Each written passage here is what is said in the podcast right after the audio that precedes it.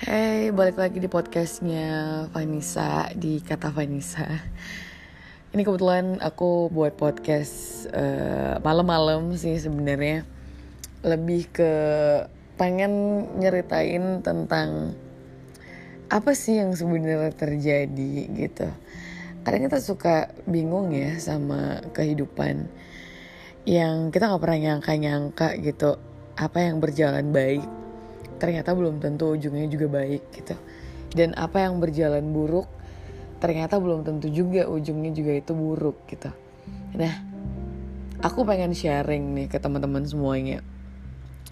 Yang namanya kita manusia itu pasti pernah melakukan kesalahan atau kekhilafan. Dan kita juga pasti sudah pernah melakukan kebaikan. Tapi pada hakikatnya manusia juga punya penilaian masing-masing gitu. Ketika kita melakukan kebaikan, mereka menilai kita seperti apa. Ketika kita melakukan keburukan atau kekhilafan, itu mereka juga uh, punya penilaian seperti apa gitu. Nah, salahnya kita sebagai objek gak bisa ngebuat orang lain itu berpikir sama dengan kita. Contoh, kita pernah hilaf dulu masa lalu terus kita pengen uh, kembali ke jalan yang benar kembali ke sebuah kebaikan gitu. Kita sudah menjalanin itu. Tapi belum tentu orang yang ngelihat kita sekarang itu ngelihat masa lalu kita. Tapi belum tentu juga orang yang ngelihat kita di masa lalu itu ngelihat kita yang sekarang. Dan bahkan orang yang sama sekali nggak kenal kita di masa lalu aja menilai masa lalu kita. Padahal dia ngelihat kita yang sekarang gitu ini juga salah satu pengalaman sih buat aku. Uh, ketika aku tuh pernah punya masa lalu yang mungkin aku berada di dunia entertain. Di ini sering sih sebenarnya ya jadi cerita. Ini nggak cerita, cerita santai sih kalau mau dibilang curhat juga ya udahlah. Tapi ini cerita ketika masa laluku itu kenapa dinilai di saat ini gitu. Aku nggak merasa diriku benar aku tidak merasa diriku baik tapi itu adalah sebuah pelajaran buatku. Jadi beberapa tahun yang lalu tuh aku sempat uh, dengan kehidupan pribadi ya. Jadi mm, mulai tinggal pisah dari keluarga itu sudah hampir sampai detik ini tuh udah hampir sekitar 4, 4 tahun setengah hampir ke 5 tahun gitu ya. Jadi untuk pisah dari keluarga tuh udah sampai segitu lamanya. Dan aku punya kehidupan eh, masing-masing aku punya kehidupan sendiri saat aku kuliah.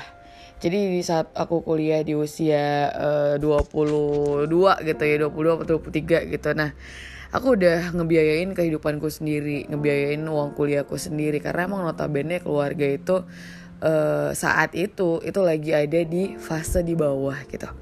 Jadi aku harus cari duit sendiri aku harus cari tahu di mana aku bisa cari uang, gimana aku bisa hidup sendiri, e, ngebiayain segala bentuk kebutuhan aku tanpa harus merepotkan orang tua karena saat itu keluarga kami itu emang bener-bener lagi diuji gitu. Berjalan, berjalan, berjalan, aku juga punya e, kegiatan yang seperti kalian tahu kegiatanku dulu sebelum di radio itu emang bener-bener yang MC dulu gitu start dari situ sampai akhirnya masuk ke dunia radio. Dan aku berkembang lah. Alhamdulillahnya aku berkembang sampai aku bisa menguasai diri. Aku bisa tahu kapasitas dan kemampuanku saat itu. Tapi tetap aku tidak merasa diriku uh, tinggi saat itu. Ya jadi banyak lah ya pengaruh dari luar gitu ketika kita ketemu sama uh, circle A, ketemu sama circle B, ketemu sama circle C, semuanya itu nge uh, eh, ngebuat kita tuh belajar bagaimana kita mendalami circle-circle tersebut. Ya udah berjalan lah berapa cukup lama Aku sudah mulai merasa aku sudah mandiri Aku mulai merasa aku sudah bisa uh, Dengan kehidupanku sendiri Menopang kehidupan Saat itu aku memang ada di fase yang namanya tuh aku pengen tahu lebih jauh lagi tentang hal-hal yang belum pernah aku capai. Karena aku di situ pengen belajar. Ketika aku sudah merasakan hal itu, aku nggak mau mengulangnya ke depan gitu. Jadi aku nggak mau kayak dibilang tuh nggak mau kayak nakal terlambat atau aku nggak mau dibilang kayak uh, apa namanya uh, gaulnya itu terlambat gitu nggak mau jadi emang aku mau habisin waktuku itu bener-bener sampai apa ya aku harus habisin waktuku sampai di sini gitu. Jadi di usia 25 itu stop aku mau berhenti untuk ngerasain hal-hal yang kayak gimana ya maksudnya di luar batas bukan di luar batas juga tapi kayak uh, mencari jati diri. Nah aku mau stop gitu. Jadi ketika aku usia 26 27 itu aku udah bener-bener yang aku udah tahu aku siapa gitu. jadi satu aku di dunia entertain MC uh, di radio apa segala macam hal yang biasa kalau menurutku tuh ketika kita tuh berjalan dengan orang yang berbeda-beda gitu ya kita ada di circle A, ada di circle di circle B, ada di circle C gitu. Itu ngebuat kita tuh cari jati diri kita sebenarnya siapa. Nah, tapi aku ngerasa itu bukan uh, keburukan juga gitu. Walaupun orang lain juga menilai seperti itu. Aku tahu banyak sekali teman-teman dan banyak sekali orang terdekat yang kecewa ketika aku memutuskan untuk membuat tato. Nah tapi itu bukan sebuah keburukan. Jadi walaupun stigma-stigma masyarakat tato itu tabu lah, tato itu terlihat uh, seperti nggak bener lah atau apa. Nggak semua masyarakat, apalagi sekarang kita udah masuk ke yang namanya uh, tahun itu udah semakin milenial gitu ya. Dan memang saat itu aku minta izin ke orang tua kalau aku pengen coba buat tato gitu. Karena emang aku addicted sekali sama kucing. Jadi aku buat tato pertamaku itu adalah tato kucing. Dan terbuatlah itu semua berjalan sekitar 2 tahun aku punya uh, tato sampai akhirnya aku ketemu di fase yang namanya aku dapat hidayah gitu loh. Aku nggak mau bilang, aku nggak mau cerita uh, seperti apa masa laluku, tapi yang seperti yang kalian tahu mungkin ada beberapa yang tahu ada yang tidak. Tapi well yang namanya masa lalu itu bukan untuk dijadikan bahan ungkitan apalagi untuk dijadikan tolak ukur kebaikan seseorang. No one can judgment anyone. Jadi nggak ada yang bisa ngejudge siapa pun di dunia ini, ya. Aku tuh aku tuh yang bener-bener kayak trauma sih gitu. Ketika aku dijudge padahal mereka tidak tahu siapa aku sebenarnya gitu. Dan ini memang benar-benar menyisakan trauma dan luka sebenarnya. Dan bahkan sampai detik ini aku ngerasa aku sedih gitu ketika mengingat-mengingat hal-hal yang seperti itu. Well uh, aku nggak mau ngebahas yang seperti itu tapi aku tahu aku punya masa lalu. Dan saat itulah hidayah datang gitu loh. Ketika uh, setahun dua tahun yang lalu dua setengah tahun yang lalu hidayah datang ke hidup aku bener-bener yang ngebikin aku tuh kayak mikir aku anak perempuan yang harusnya itu aku bertanggung jawab untuk ngejaga uh, diriku sendiri. Ya. Di situ aku mikir ketika hidayah itu adalah aku punya ayah yang di mana aku mikirnya anak perempuan yang tidak menutup auratnya itu ayahnya akan disiksa. Ya jadi bener-bener saat itu aku emang ngedapet pengalaman spiritual. Aku nggak tahu mungkin karena Allah emang nyentuh hati aku atau emang Allah emang ngasih aku hidayah. Sampailah aku tersadar aku harus uh, berhijab. Aku harus menutup auratku. Aku harus mulai mengurangi hal-hal yang negatif ataupun mengurangi hal-hal yang sudah pernah aku lakukan dan itu juga bukan ada efek baik ataupun efek buruk. Karena emang aku ngejalanin hidupku itu emang apa adanya. Jadi nggak memaksakan. Aku tidak pernah nakal dan menyentuh hal yang sangat lewat batas. Tidak. Aku juga tidak terlalu baik.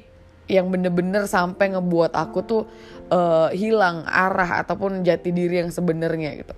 Vanessa tetap Vanessa dan saat itulah aku dapat pengalaman spiritual di mana aku harus uh, menutup auratku, aku harus berhijab karena aku berpikir aku anak perempuan paling besar, aku contoh buat adik-adikku, aku adalah pemeran pengganti dari kedua orang tua dan aku anak perempuan. Itu pengalaman spiritualku. Jadi aku memilih untuk menutup hijab saat itu emang aku patah hati dan patah hati itu menimbulkan uh, kedekatan dengan Tuhan.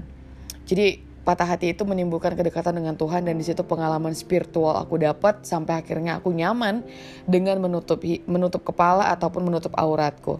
Saat itu aku ngerasa dengan makai mukena aku benar-benar tenang saat itu. berjalan sekitar kurang lebih eh, enam uh, bulan lebih gitu ya kurang lebih lah atau uh, dua bulan lah ya dua bulan sih nggak nyampe enam bulan sih terlalu lama sih aku mikirnya dua bulan aku berhijab aku menemukan seseorang yang berarti sekali di hidup aku dari orang yang pernah datang ke kehidupan aku dan pergi begitu aja uh, sebut aja itu mantan ya seseorang ini emang bener-bener kayak didatangkan untuk benar-benar menjadikan atau mendukung kebaikan yang aku mau lakukan. Sampai akhirnya dia masuk ke kehidupan aku tanpa aku sadari, aku nggak tahu dia siapa. Tapi uh, dia ada di, di lingkungan pekerjaanku, sehingga aku mulai membuka diri, nggak ada salahnya gitu. Ketika ada orang baik datang, aku membuka diri dan jalan. Kita jalan sekian lama, uh, di situ aku ngerasa aku ngedapetin orang yang bener-bener support aku dan sampai hari ini dia adalah alasan patah hatiku dan alasan aku paling sedih saat ini. Aku nggak nggak mau cerita sedih sih sebenarnya, cuman emang uh, dia alasan aku untuk kecewa dia alasan aku juga bersedih saat ini. Tapi dia adalah orang yang baik. Dia ada orang yang baik. Bener-bener uh, menjadi media dan pelajaran besar untuk hidupku. Ya, walaupun kita udah nggak sama-sama lagi, tapi itu tadi dia. Aku punya pelajaran di sini. Aku dikasih tahu kalau ternyata kita sudah menjadi baik ataupun kita mencoba menjadi baik belum tentu baik di mata orang. Dan uh, kenal dengan dia itu ngebuat aku harus ngehapus tato, harus bener-bener merelakan uh, tato itu harus aku buang yang di tangan, yang terlihat sama teman-teman semuanya mungkin dulu pernah tahu.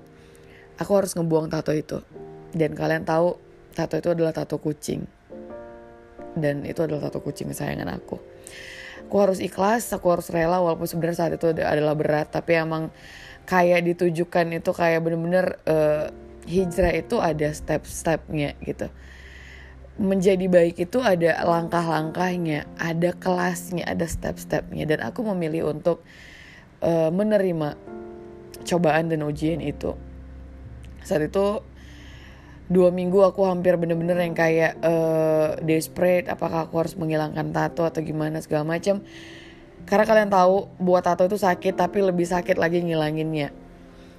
Pilihannya tuh ada dua yang pertama operasi yang kedua itu adalah laser aku sudah dikasih uh, sampel laser dan kalian tahu rasanya di laser itu seperti apa rasanya di laser itu seperti tangan kalian atau kulit kalian itu kesentuh sama setrikaan, kesentuh sama benda panas dan rasa itu seperti terbakar. Itu hasil di laser.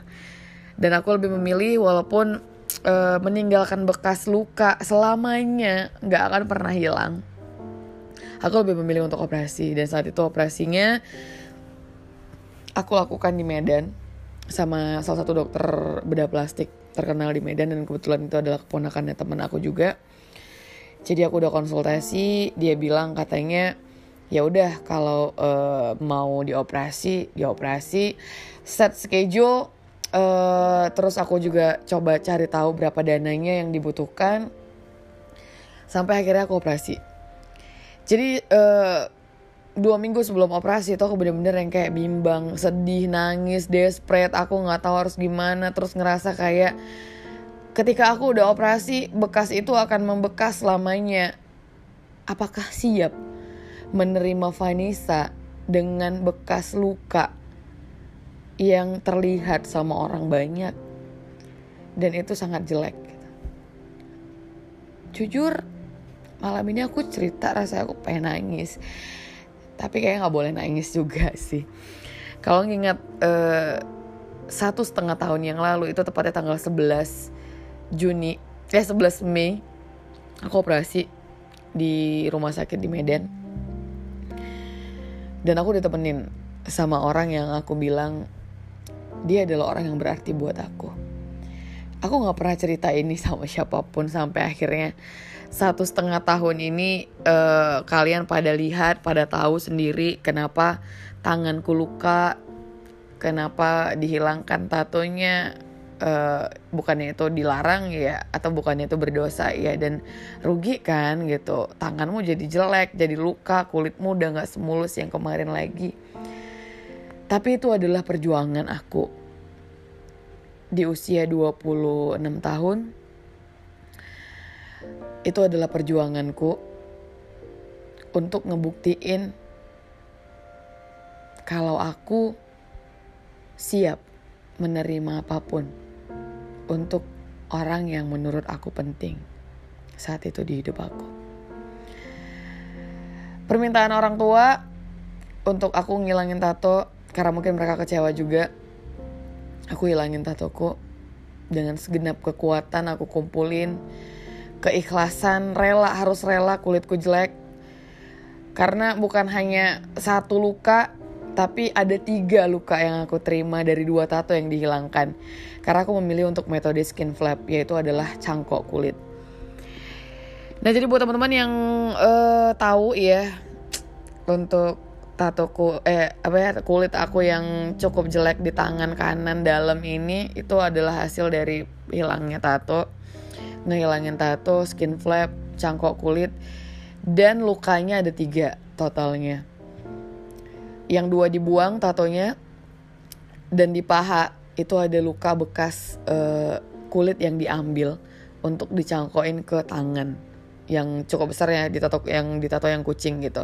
Kalau yang ditato di tangan kiri itu kecil jadi kayak bekas luka uh, panjang gitu jadi dia cuman dibuang aja habis itu dijahit tapi kalau misalnya yang kucing dibuang tapi nggak mungkin dijahit gitu loh Nah, dibuang dan ditempel kulit lagi baru dijahit. Jadi sehingga kayak nimbulin bekas luka warna coklat yang cukup uh, jelek sih kalau menurut aku. Tapi aku tidak pernah menyesali.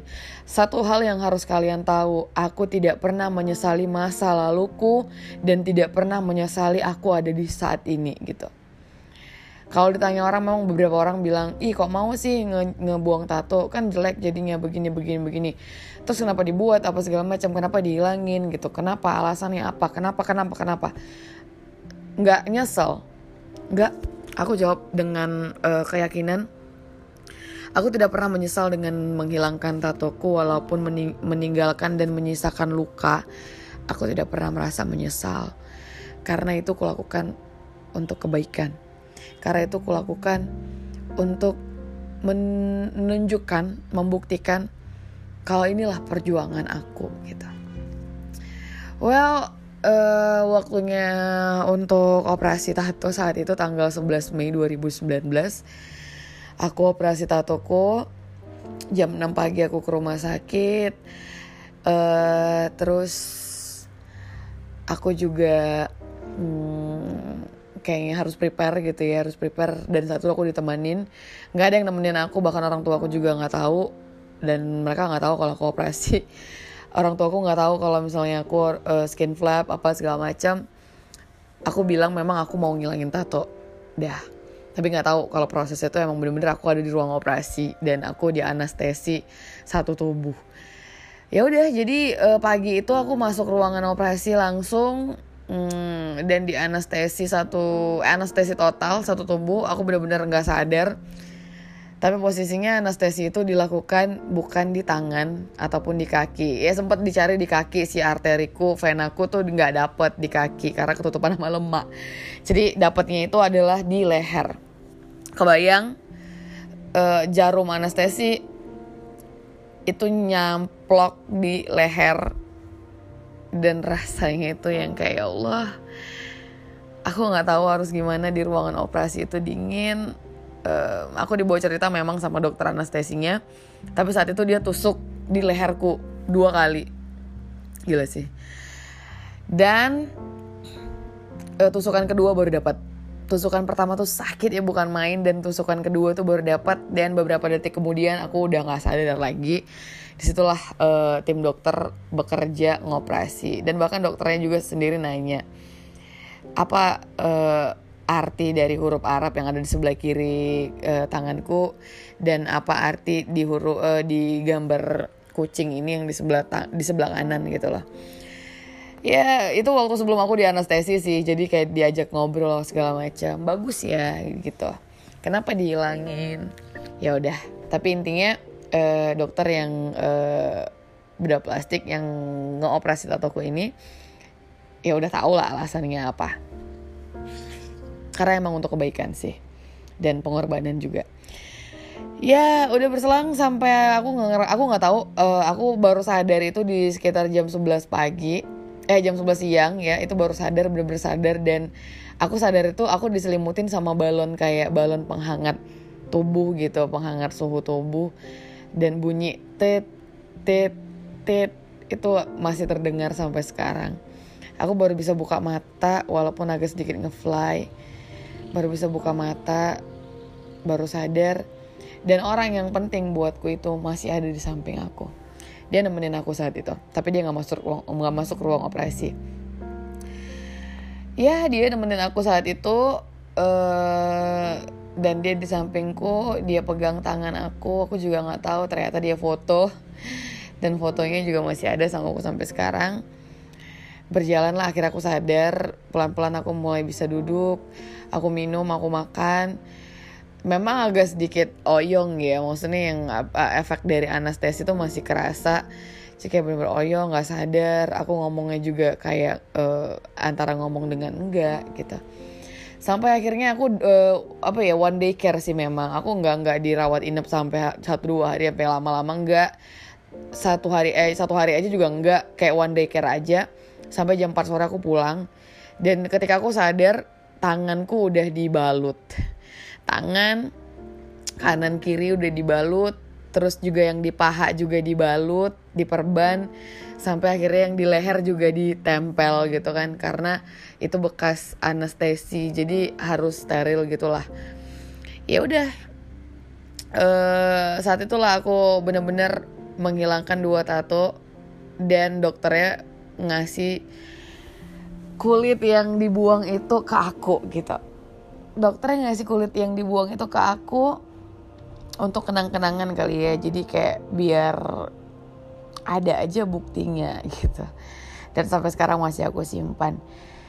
Aku nggak pernah kebayang di hidupku yang kemarin-kemarin di saat aku muda nggak pernah kebayang kalau aku bakal ngelewatin fase ini. Tapi ternyata ini adalah pengorbanan terbesar buat hidup aku aku harus ngerelain kulitku jelek harus ngerelain luka seumur hidup yang mungkin next juga entah siapa pun itu entah calon suami atau gimana itu bakal bertanya ini apa? Ini luka apa? Dan kenapa jadi seperti ini? Gitu aku juga nggak tahu. Tapi yang pasti alasan terbesarku adalah untuk orang yang aku anggap penting sampai detik ini. Ya karena permintaan orang tuanya aku mengikhlaskan semuanya aku rela. Karena aku juga sayang sama dia. Jadi aku hilangin tato ini. Bener-bener selain untuk kebaikanku ini juga untuk dia gitu. Berjalan berjalan sampailah di akhirnya aku ngerasa masih sakit sampai detik ini. Karena uh, hasilnya ini bener-bener kayak nimbulin keloid dan keloid itu sakit buat aku jadi kayak sering kumat nggak bisa kena panas kena dingin terlalu dingin kena panas terlalu panas nggak bisa ngangkat berat atau gimana nggak bisa capek juga tangan kanannya karena dia akan mendenyut. Dan di saat aku operasi itu malam pertama aku operasi aku nggak bisa tidur. Aku nggak bisa tidur karena sakit ya naujubillah sakit mendenyut pedih aku nangis. Nggak bisa tidur asli. Aku masih kebayang sih rasanya gimana. Tapi ya udahlah.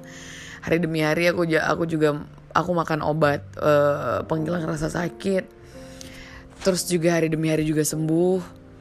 Sampai akhirnya sekarang bekasnya masih tetap juga menghilang eh meninggalkan sakit. Well apa pun itu itu adalah perjuangan terbesarku untuk orang yang aku anggap penting, untuk orang yang aku sayang. Dan aku mau bilang makasih sih. Makasih banyak karena sudah membuat aku ada di fase seperti ini ada di pengalaman yang seperti ini ada di perjuangan yang seperti ini gitu. Sampai akhirnya perjuangan ini juga aku tetap masih berjuang lagi ternyata. Masih berjuang lagi. Tapi pada akhirnya perjuangan itu juga tidak berakhir sempurna karena ternyata uh, perjuangan aku tidak dinilai sama sekali. Malah yang terlihat adalah masa lalu. Mungkin next cerita uh, aku bakal cerita seperti apa. Tapi untuk uh, tato bener-bener ini adalah tato yang aku hilangkan buat orang yang aku sayang, buat orang yang penting buat hidup aku. Dan sampai detik ini dan bahkan ini menjadi bukti seumur hidup tato ini adalah uh, bukti sayangnya aku sama orang itu. Dan perubahan aku yang dituntun sama Allah untuk menjadi lebih baik dan perjuangan aku buat bisa uh, merjuangin dia di hidup aku. Aku gak pernah menyesal ngilangin tato. Aku juga tidak pernah menyesal ngebuat tato. Walaupun um, untuk sebagian orang tato itu adalah tabu walaupun untuk sebagian orang tato itu adalah hal yang uh, jelek atau bukan sebuah simbol kebaikan tapi aku sudah memperbaiki diriku. Biar Allah yang nilai. Aku nggak bisa ngobrol uh, terlalu panjang juga. Biar Allah yang menilai seperti apa. Ini juga adalah campur tangan Allah. Kenapa orang itu didatangkan kehidupan aku mungkin? Ini keinginan Allah. Supaya aku bisa pelan-pelan itu step by step untuk membenahi diri. Alhamdulillah wa syukurillah sampai sekarang. Dan walaupun menyisakan sakit, menyisakan luka, walaupun harus uh, menyisakan apa ya luka yang jelek juga dan gak pernah bisa hilang seumur hidup sampai aku mati tapi ini menyisakan kenangan. Dan di sini aku sadar aku adalah perempuan yang sangat kuat untuk menghadapi cobaan saat itu sampai detik ini. Ya buat kamu yang penting kamu udah nyaksiin uh, apa yang aku sudah lakukan. Kamu menyaksikan itu dari awal. Dan ini buat kamu. Terlepas kita udah gak sama-sama lagi tapi aku ngebuktiin ini kalau aku gak pernah main-main. Sampai kapan pun. Ya walaupun kita gak pernah sama-sama lagi entah akankah kita bisa bersama atau tidak atau kita bisa bersama tuh cuma hanya sekedar teman aku tetap selalu menggaungkan doa karena kamu adalah bagian dari perubahan dan perjalanan di perjuangan ini. Makasih banyak. Kamu adalah pelajaran buat aku. Gitu, jadi buat teman-teman yang nanya soal tato itu kenapa itu kulit apa, itu kenapa bisa begitu apa segala macam. Ya alasannya adalah ini yang aku ceritain. Jadi kemarin emang aku nggak ada cerita. Nanti aku lanjutin lagi untuk ke episode berikutnya. Tapi yang pasti Uh, terima kasih nih buat temen-temen yang udah dengerin podcast aku. Jangan lupa tetap dengerin podcast selanjutnya di episode-episode selanjutnya. Tungguin ya. Dadah.